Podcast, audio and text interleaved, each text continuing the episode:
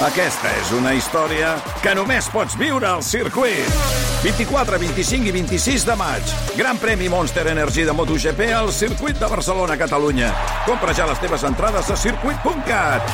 Viu-ho! Em dic Sara. Tinc 17 anys i tinc son. A mí acertar la carrera eh, fue un milagro, porque me parece que elegir carrera a los 18 años es que me parece una putada. És que és molt difícil perquè al final tens 18 anys. No, no et pots imaginar amb 40. Jo no he tingut mai res clar a la vida. Soc codirector i cofundador del Festival Sona. Jo, amb 17 anys, tenia claríssim què volia fer, i la vida se'm va portar per una altra banda. Això que sentim ara, això que sentim és un fragment del documental Dilluns, un treball que pretén inspirar i treure pressió als joves sobre la decisió vital de què estudiar, de què estudiar i què ser de grans. Es tracta d'un primer documental de l'emprenedora Anna Trunyol que, conjuntament amb el fotògraf i realitzador Álvaro Sanz, ens acaben de presentar. Anna, molt bon dia. Bon dia, bon Ah, dia, com esteu? Anna, tu de fet ets enginyera, ets dissenyadora i emprenedora i tu després Sí. de treballar 8 anys com a enginyera en una feina estable vas deixar-ho tot per explorar nous camins. Per tant, tu ja ets un testimoni de que aquestes decisions d'un inici poden canviar de rumb i no passa res. Aquest és el principal motiu pel qual et va portar a fer aquest documental? Correcte, una mica sí, perquè eh, va més enllà fins i tot de fer un canvi de rumb. En el meu cas era un, un sentir-me desubicada, saps, vitalment, Mhm. perquè a l'estudiar uns estudis que no m'agradaven i en treballar una cosa que no m'agradava, em va portar a estar com 15 anys desubicada. I, i, I va més enllà, no? Et fa qüestionar més coses que els estudis. Uh -huh. Per què ara aquest documental? Per què? Doncs eh, perquè per la meva trajectòria professional actual jo tinc molt contacte amb moltes empreses, des de fa molts anys, amb molts directius, amb molts emprenedors de tot el món. I jo veig com les empreses estan canviant i veig com, com les trajectòries no són lineals, com a les empreses contracten persones de totes les carreres, no importa tant estar especialitzat, jo, jo veig un canvi. Però en paral·lel també faig coach a gent jove i me n'adono que els joves encara encara deixen anar frases com m'agrada molt la història però no, no ho faré perquè, perquè no hi ha sortida i llavors faré dret. Frases aquestes que em xoquen una mica, no? que encara el 2023 es diguin. I d'aquí a l'ajuntar els dos mons vam dir, ostres, doncs igual podríem fer un documental per explicar una mica de què va la vida als joves. La idea una mica és explicar de què va la vida. No és tant donar solucions de si estudiar, no estudiar o què estudiar, sinó a reflexionar sobre tot plegat, no? Que, so- sobre el que fem. Veient el documental, eh, tu ara estàs dient, explicant als joves, però jo crec que també molts adults eh, eh, hem pensat en que potser valdria la pena revisar una mica on estem professionalment perquè encara ens queden moltes coses per explorar, no? Correcte, correcte. I de fet jo crec que actualment eh, és, és, és un gust poder compatibilitzar coses, fer més d'una cosa. A vegades no cal fer un canvi dràstic i deixar-ho tot. A vegades és, és, és fer diverses coses que t'agraden també, no? El documental, de fet, és per inspirar els joves, però també és per fer reflexionar els adults, per fer reflexionar sobre el, el procés que hem fet, sobre la decisió que vam prendre fa 20 anys, sobre si el camí que estem fent és el que volem o no.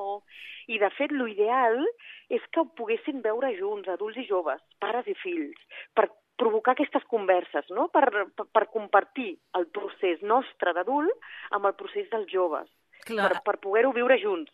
Sí, sí, perquè moltes vegades els adults som el mirall d'aquests joves i, de fet, hi ha una frase que diu una de les estudiants de batxillerat, perquè hem de dir que hi ha més de 30 entrevistes, ara després ho expliquem, però que diu la paraula que millor descriu un adult és preocupació.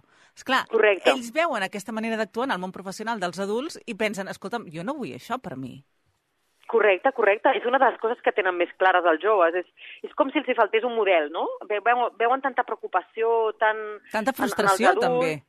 Sí, sí, i que, que ells d'alguna manera eh, no els hi fa il·lusió entrar en el món adult. Eh? Hi, ha, hi ha com una resistència al final. Mm -hmm. ah, ah, però aquestes 30 entrevistes que porteu en el documental també hi ha els exemples, molts d'ells, que justament han acabat fent el que volien i el que els hi agradava i les dues coses coincidien i, a més a més, es guanyen la vida. Correcte. Es veu això, però també el missatge eh, va, va una mica més enllà. És com a la vida passen coses. A vegades passen coses que no t'esperes. A vegades pots estar malalt o a vegades vols molt una cosa i no l'aconsegueixes i has de reajustar i fer-ne una altra. A, a la vida passen coses per definició. I d'alguna manera no, no s'explica això als joves, no? És com es, es pren una decisió de què estudiar o de què treballar mirant una mica les assignatures, però falta com aixecar el cap i pensar una mica en la vida, no? amb, amb tot plegat, perquè obligatòriament passaran coses, segur, sí o sí, i t'hauràs de reajustar, i hauràs de eh, passar per moments difícils, sempre, sempre. O sigui, no, no és qüestió de simplificar-ho tot com només l'èxit o no èxit, no? Estudiar d'algú que m'agrada. Estudiar d'algú que m'agrada o treballar d'algú que m'agrada és com simplificar molt la vida, no? Perquè totes les, totes les feines tenen una part avorrida, per exemple, no? És, és, és... Hem d'anar una mica més enllà del m'agrada, oi? És m'agrada, però també hi ha altres coses per reflexionar. Mm -hmm. De fet, també hi ha una altra frase que diu saber què vols fer pot costar tota una vida i Correcte. no per... mentrestant no has perdut el temps. I en el cas del Xavier Mercet, que és director de to Change, diu que, jo ho vaig tenir clar potser després dels 50 anys. Clar, mai correcte. és tard. Correcte, correcte. Que en el fons és, és potser definició de vida, no? Al final, triar uns estudis és com la primera decisió important a la teva vida. I, I, de fet, la vida és això, és un procés de decidir constantment. Decideixes vol dir que renuncies a coses i tries unes altres. I vol dir que reajustes, decideixes, al cap d'un temps reajustes aquella decisió, si et va bé o no et va bé, i pots canviar. I això és el procés vital, al final és això, no? És, hem d'aprendre a decidir. I com decidim? Pues escoltar-nos, escoltant la nostra intuïció, escoltant els al voltant, reflexionant, i això és una cosa que es va aprenent a mesura que vas vivint, no? És difícil ensenyar-li a algú, mira, quan decideixis, fes això. Ai, jo crec que és un procés com molt personal, no? Al final cadascú anem aprenent la nostra manera de decidir. Però en canvi, en canvi als 17 anys t'obliguen a decidir i, i tu no saps encara pràcticament ni qui ets, Correcte. encara estàs buscant a veure una mica cap on vols tirar, però totes les pressions es centren en aquella edat. En quan acabes Correcte. el batxillerat i has de triar eh, si vols seguir o cicles, fins i tot que va més aviat dels 17. Ho estem fent sí, malament. Sí. sí, una mica sí. Jo crec que uh, bueno, no tot és blanc o negre, diguem, no? però sí que és veritat que els adults jo crec que nosaltres ens sentim molt més còmodes si els nostres fills ho tinguessin clar, no? Si tu tens un fill que té clar la seva vocació i que vol estudiar, és com que hi ha com un relaxament, no? Com a pare o com a adult, dius, ai, que bé, ja està encarrilat. I, I ens traiem una preocupació de sobre. En canvi, quan veiem els, els nostres joves que tenen dubtes, que no saben què fer i tal, és com que ens fa patir. No, no sabem viure amb la incertesa, no? Ens, hi, hi ha aquell punt de que volem que ho tinguin clar ràpid. I, I això ells també ho deuen captar. Quan, si nosaltres, per exemple, quan vam fer la preestrena, hi havia 250 persones. I jo vaig preguntar, qui de vosaltres tenia clar als 17 anys què volia fer? Van aixecar la mà 10 persones. Uh -huh. En canvi, vaig preguntar, qui de vosaltres ha tingut una crisi en algun moment de la vostra vida que dubtàveu de la feina que fèieu, que no sabíeu si canviar, que us agradaria fer una altra cosa? Van aixecar la mà 240 persones.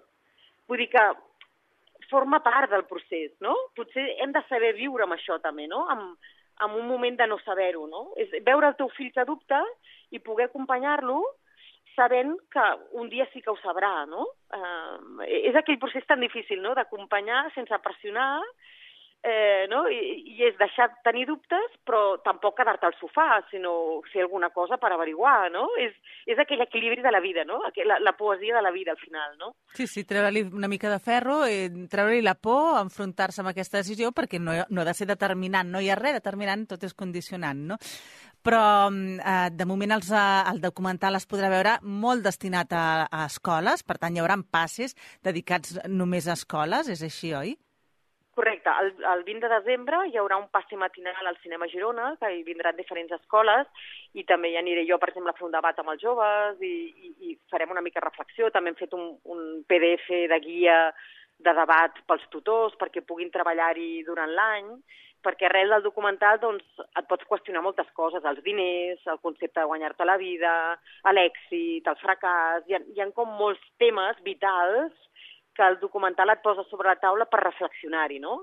I a més, com que hi ha exemples personals, reals, vitals, sempre jo crec que els exemples reals ajuden no? a qüestionar-te coses, no, no, no basar-te en la teoria, sinó partir de la base d'exemples de, reals. No? Uh -huh. I això ho farem per les escoles. Però també el 22 de novembre farem un passe al Cinema Girona, un altre passe a les 8 de la tarda, on, que estaran obert i on és ideal que hi vagin pares amb fills uh, adults amb joves, uh, uh, professors amb alumnes. És ideal aquesta barreja de, de generacions per generar aquesta conversa, no? Barreja de generacions o fins i tot generacions d'altres edats que també eh, trobaran inspiració en aquest documental.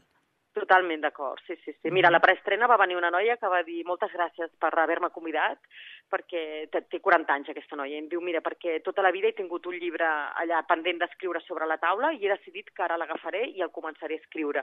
També és una inspiració pels adults, sí, sí, De per, moment- per fer coses. De moment només el podrem veure en cinemes, no hi ha cap manera de veure el documental de forma oberta? Encara no, evidentment vindrà. El que passa és que l'hem fet tan ben fet no, amb l'Àlvaro, que ell és un director de documentals, eh, és una persona que tracta molt bé la bellesa i, i està fet de manera cinematogràfica. Per tant, ens fa il·lusió que es vegi el cinema. És, és aquest punt d'anar al cinema, tancar les llums, estar en una butaca i veure un projecte en un cinema, és com una manera també de transmetre la informació diferent, no? I que veure-ho en un projector o a la televisió. Eh, El cinema és, és una cosa que s'ha de defensar, no?, encara. I tant.